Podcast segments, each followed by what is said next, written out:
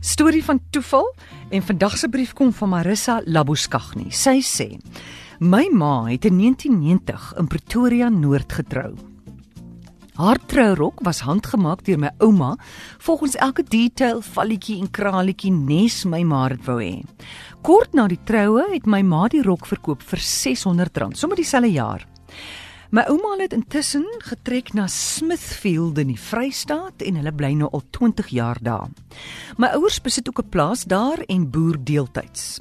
Van kleintyd tot nou is ons vakansies by my ouma in die dorp of op die plaas.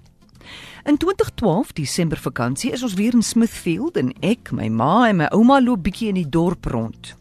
'n Nuwe antieke winkel het oopgemaak in die hoofstraat en ons wou daar gaan inloer. Noem dit toeval? Maar kan jy glo in die antiekwinkel kom ons toe af op my ma se einste rok. In Smithfield meer as 20 jaar later. Soek op ons toe die rok terug vir R200. Wie weet, dalk dra my dogter hom eendag. Ons hou die keer maar vas aan die rok.